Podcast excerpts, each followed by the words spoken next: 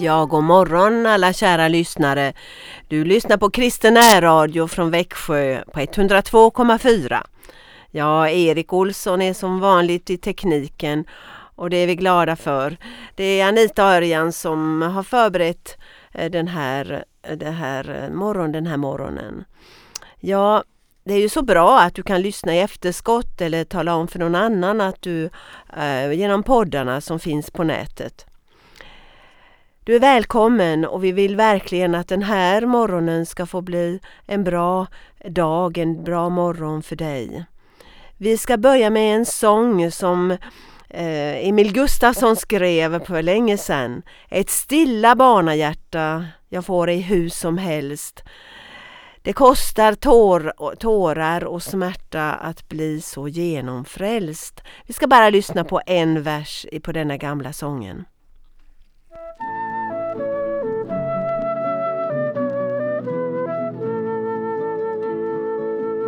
Ett stilla barnahjärta man får ej hur som helst Det går ej utan smärta att bli så genomfrälst och andelivet strömmar ut i mitt hjärta så att alla mina drömmar i Jesu ande. Ja, den här sången talar om någonting som eh, vi brukar nämna som helgelse. Eh, och vad är nu det? Jo, det betyder att man är överlåten eh, helhjärtat åt Gud. Och det kan ju vara kamp vad det gäller det. Och nu är det ju så att om tre dagar, den 6 november, så är det alla helgons dag. Och då Eh, kommer vi ju kanske att eh, smycka gravarna, att sätta ut ljus, det brukar tindra eh, och ute på kyrkogårdarna. Vi som har kännedom om situationen i Frankrike ja, där är det ett blomsterhav utan like. Och jag ville en gång ta med Anita och visa det här när hon hade kommit Eh, till Frankrike och då gick vi på en kyrkogård där och vi häpnade ju över alla dessa blommor som, och det ska vara krysantemum, det är det som gäller. Och där bland gravstenarna så såg vi ju en inskrift där, tro på Herren Jesus så blir du frälst. Och vi fick ju på märkliga vägar veta senare vad det var för eh, eh, händelse och anledning till att den här inskrift, inskriften fanns. Men eh, det är så, det är många som har gått före och eh, nu kan vi ju ställa oss frågan då, eftersom det kommer att vara Alla helgons dag, Eh, vad säger Bibeln om helgon? Ja, då måste jag faktiskt säga att eh, ordet helgon finns inte i Bibeln.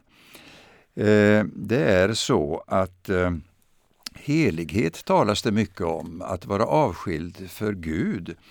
Och eh, visst finns det många människor som har gått före oss och som vi tänker på med stor tacksamhet, vad de har betytt inte bara för oss kanske var och en personligen, men betytt för hela nationer och för mänskligheten. Eh, Sådana som har eh, präglat sin omgivning. Och eh, naturligtvis så är vi tacksamma över dessa personers gärning. Men eh, om de nu varit så avskilda för Gud och gjort dessa eh, ja, ofta väldigt tacksamma eh, gärningar, ja, då skulle de säkert inte själva vilja bli upphöjda på det sätt som händer ibland i våra dagar. Eh, det är ju så att eh, eh, ganska nyligen, ja det var 2016, så var det en helgonförklaring av en svenska, Elisabeth Hasselblad. Och det har jag sett en artikel om. Jag tycker att den var så klart skriven.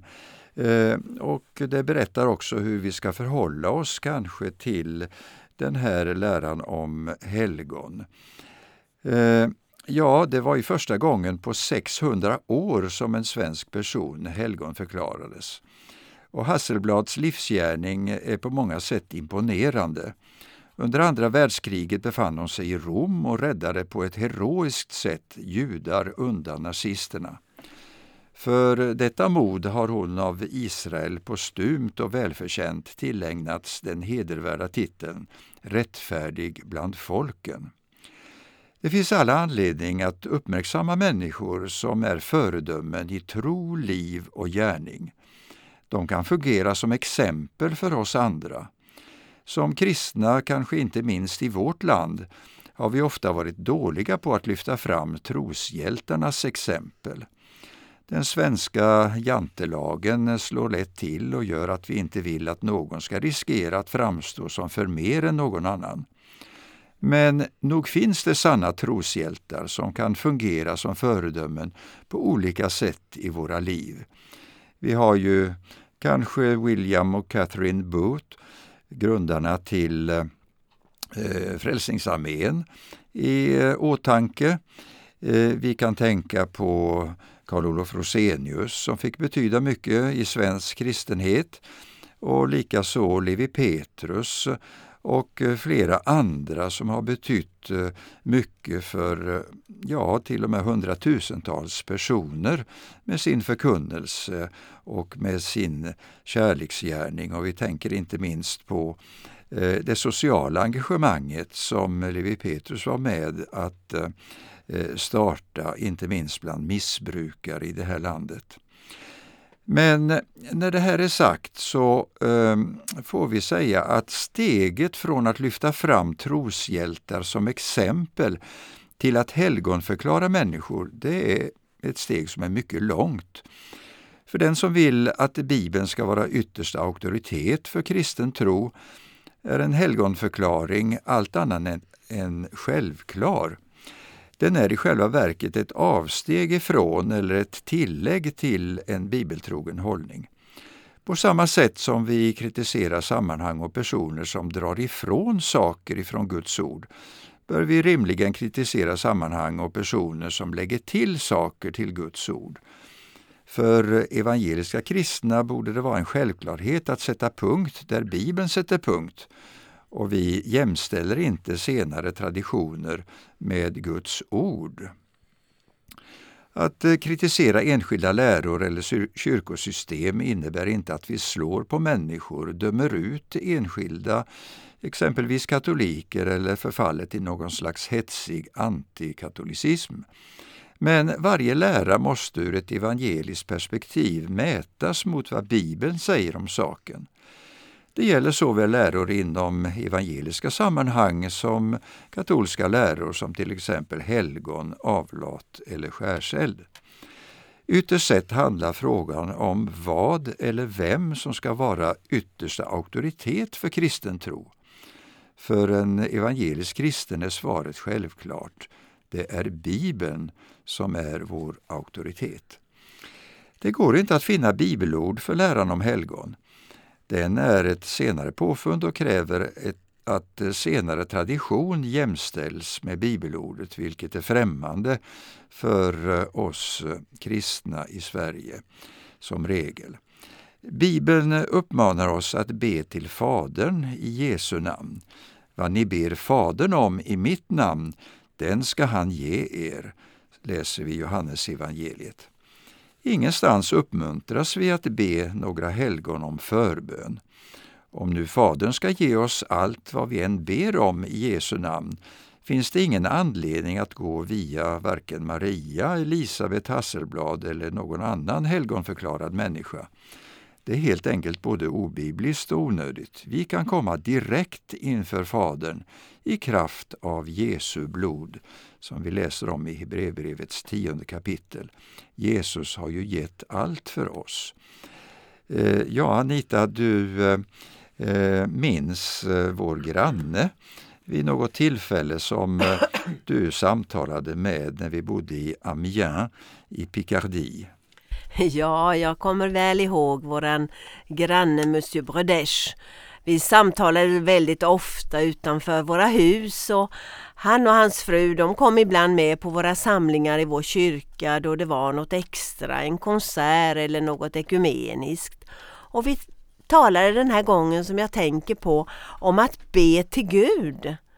Och jag glömmer aldrig hur han med glimten i ögat säger Ja, ni har det allt mycket bättre att be än eh, vad vi katoliker har.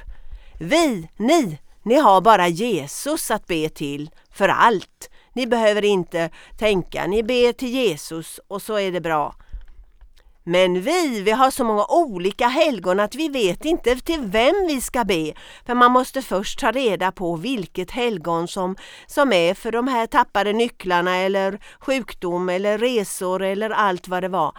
Så han gjorde sig lite roligt av det här och tyckte att ja, eh, vi har det allt svårt när vi ska be till Gud. För tänk vad bra ni har det att bara be till Jesus. Och jag underströk att jag tyckte det var väldigt bra att få bedja till Jesus och att vi har vägen öppen till honom. Eh, vi vet ju att Guds ord säger ingen kommer till Fadern utom genom mig, säger Jesus. Han är medlaren mellan Gud och människan. Ja, när vi köpte en bil en gång så fanns det en medaljong som satt där på instrumentbrädan och då stod det Se på den helige Kristoffer och eh, färdas lugnt. Och det är så att då skulle man bedja till det helgonet för att resan skulle bli eh, riktigt trygg och bra. Eh, det är ju lite främmande för oss och eh, enligt Bibeln så ser vi ju att vi får nalkas Gud. Eh, och någon vet jag berättade för oss, ja men när jag eh, har något problem då kan jag inte gå till presidenten själv. Eh, är det någonting väldigt svårt då får jag gå till borgmästaren och prata med honom och han kan prata med eh, riksdagsmannen kanske och han kan prata med någon, eh, ja, någon högt uppsatt eh, person. Eh, och, och, så kanske det skulle kunna komma fram då till presidenten. Ja men kunde jag ju säga, tänk vad fantastiskt det är och det står i Bibeln att eh, förlåten rämnade i templet när Jesus dog och vägen är banad och öppen. Så stort är det att tro på Gud, att eh, verkligen uppleva gemenskap med skaparen själv. Ja, ibland brukar bön till helgon jämställas med att be en vän om förbön. Men eh, det finns en del definitiva skillnader, mer än de uppenbara skillnaderna att vi känner våra vänner och eh, att de lever. Ett av skälen till helgonförklaringen är att böner om Elisabeth Hasselblads förböner efter hennes död påstås ha botat en kubansk pojke från cancer utifrån tanken att hennes böner därmed verkar ha större effekt inför tronen än andras blir hon alltså kanoniserad. Att hon har helgonförklarats innebär dessutom att hon kan åkallas i kyrkans offentliga böner, att mässa kan firas till hennes ära och att hennes reliker ska vördas offentligen.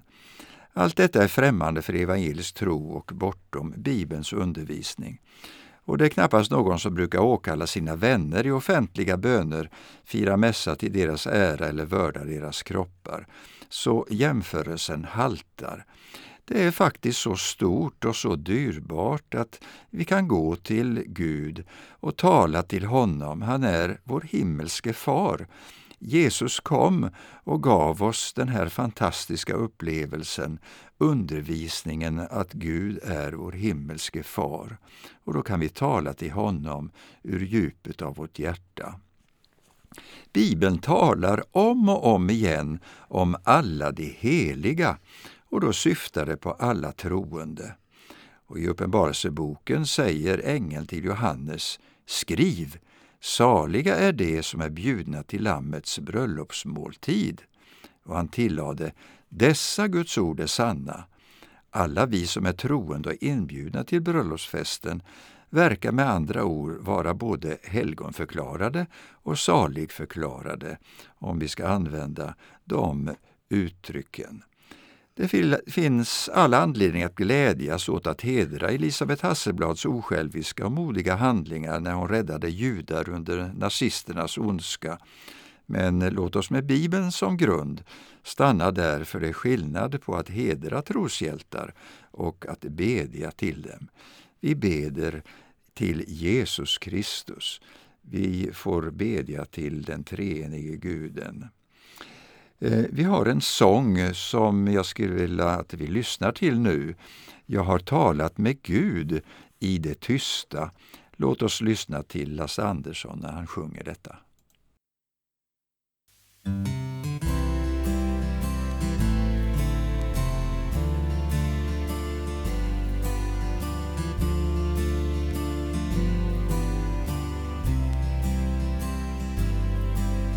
har talat med Gud i det tysta om allt som jag inte förstår.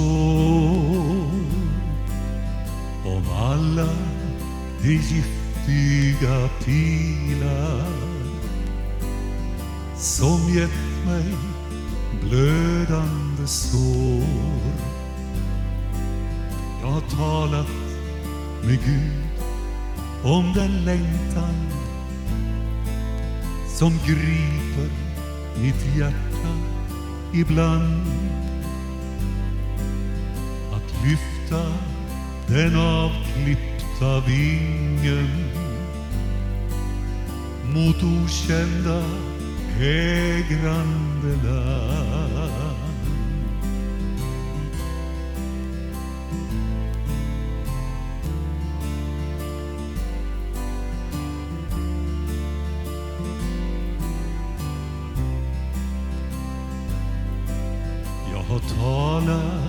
med Gud om de gåtor som prövat min barnsliga tro. Om alla de tusen frågor som hjärtat ej lämnat nåd ro. Jag har talat med Gud om de känslor vars ursprung ger smärta och tröst. Om alla de spörjande tankar som ryms i mitt undrande bröst.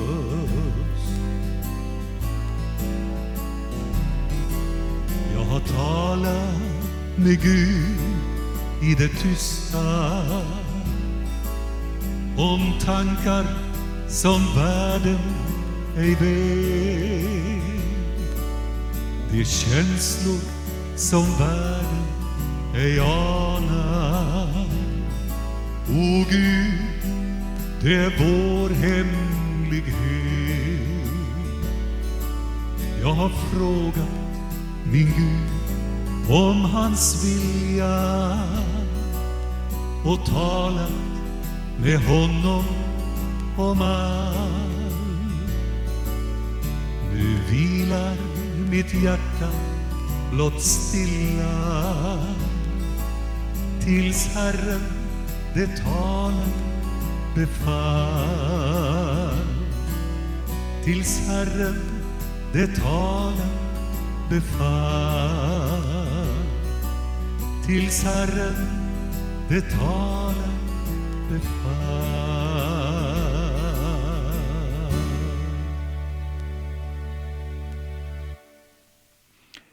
Ja, den här sången talar ju om det enskilda personliga mötet med Gud och om bönelivet. Jag hoppas att du har tagit dig tid eh, då och då för att eh, tala med Gud det är så att han möter ditt hjärta. Det finns båda aspekterna i det kristna livet, både detta att eh, vara tillsammans som Guds folk och att eh, enskilt i eh, hjärtat tala med Gud. Ja, jag har talat med många kära vänner i katolska kyrkan också om de här skiljaktigheterna att vi inte beder till helgon. Och man tycker ofta då att eh, ja, det är väl så det står i skriften. Men eh, eh, man tillmäter också traditionen eh, sin betydelse. Och eh, vi eh, samtalar om detta och vi upplever att Gud leder våra liv. Eh, Anita, du har ett par bibelord som talar just om att vi eh, själva ska få uppleva Kristus i våra liv. Ja ja, viljan och att vi vänder oss till Gud. Filipperbrevet 3 och 10. Jag vill lära känna Kristus och kraften från hans uppståndelse och dela hans lidanden genom att bli lik honom i en död som hans. Kanske jag då kan nå fram till uppståndelsen från de döda, skriver, Filipp, eh, skriver Paulus till Filipperna. Ja, här talas det ju om eh, lidande och det är ju många av dessa personer som varit stora föredömen för oss som har fått uppleva eh, stort lidande. Men eh, det gäller då att eh, ja, då får vi söka Herren. Han finns där. Jag vill också läsa ifrån första Thessalonikerbrevet 5 och 23. Må han som är fridens Gud helga er helt igenom och må er ande, själ och kropp bevaras hela och oskadda så att det är utan fläck när vår Herre Jesus Kristus kommer. Han som kallar er är trofast, han skall åstadkomma det. Ja, då kan vi verkligen förtrösta på att det är Gud som ska hjälpa oss, att eh, vi får växa andligen. Och Det är ju så, Paulus talar mycket om att vi ska växa i tron. Att vi inte ska vara eh, som eh, små barn som ständigt behöver ha eh, mjölk och eh, få växa till liksom från spädbarnsstadiet utan vi ska kunna, som det står i Hebreerbrevet, att vi ska kunna växa upp verkligen till full mognad i Kristus. Och det är ju det som dessa föredömen har gjort. De har upplevt Guds ingripande i sina liv. Och eh, när vi ser tillbaka på vår vandring som kristna eh, Tänk vad Gud har gjort mycket i våra liv och vad vi har sett mycket utav välsignelse.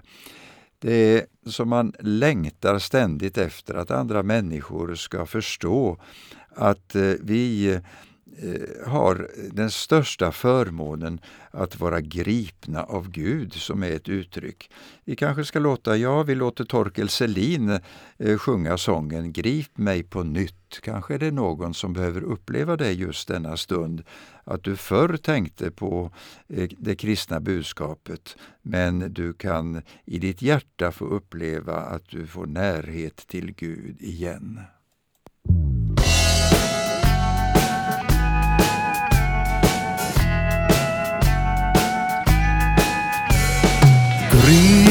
Mig på nytt, o Jesus vad vore jag utan dig? Låt ingenting i tiden få skymma din bild för mig. Många gånger har jag läst om hur du led. Jesus när världens synd du ensam på dig tog. Men allt för ofta har det ändå hänt att jag har glömt att det var för min skull som du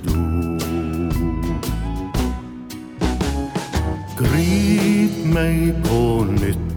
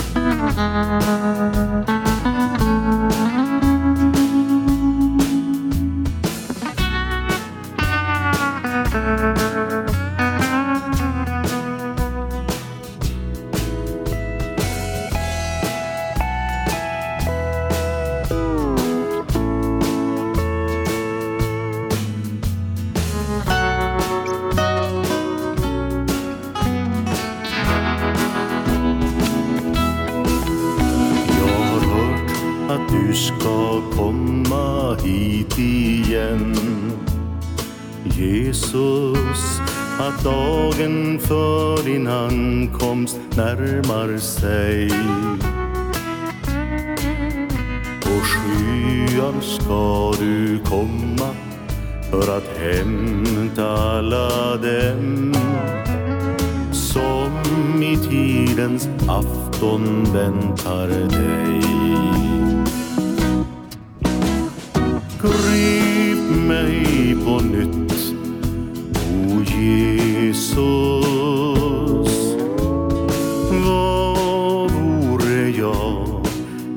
Utan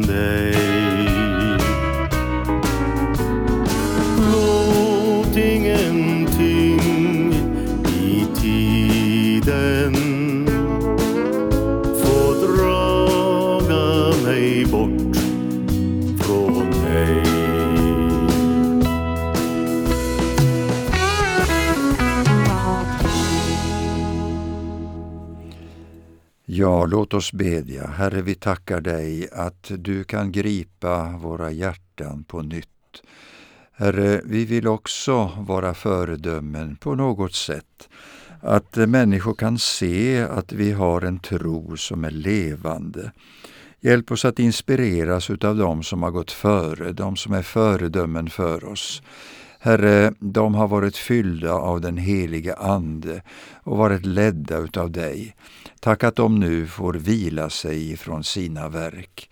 Vi tackar dig Herre för din nåd att du ser till oss alla. I Jesu namn. Amen. Ja, så vill jag eh, få inbjuda dig till på lördag. Då är det en konsert i Ulriksbergskyrkan med Gitten Öholm och Angele, Angela Eh, Magnus Åberg, Ett par där ja. Lördag 6 november klockan 18 har du en konsert Evigheten i våra hjärtan. Välkomna att lyssna på fina sånger om evigheten på lördag. Ja, och så vill jag också annonsera det lite längre fram, mellan den 10 och den 12 december, alltså omkring tredje advent. Då blir det sjungande julkort i Ulriksbergskyrkan. Det var några år sedan sist, men nu kommer det igen att ni kan få lyssna på det. Men vi ska annonsera det senare. Ja, så vill vi lyssna på den sista sången här. Låt mig vandra nära dig med Karl-Olof Hultby. Vi älskar Jesus, vi vill vandra tillsammans med honom.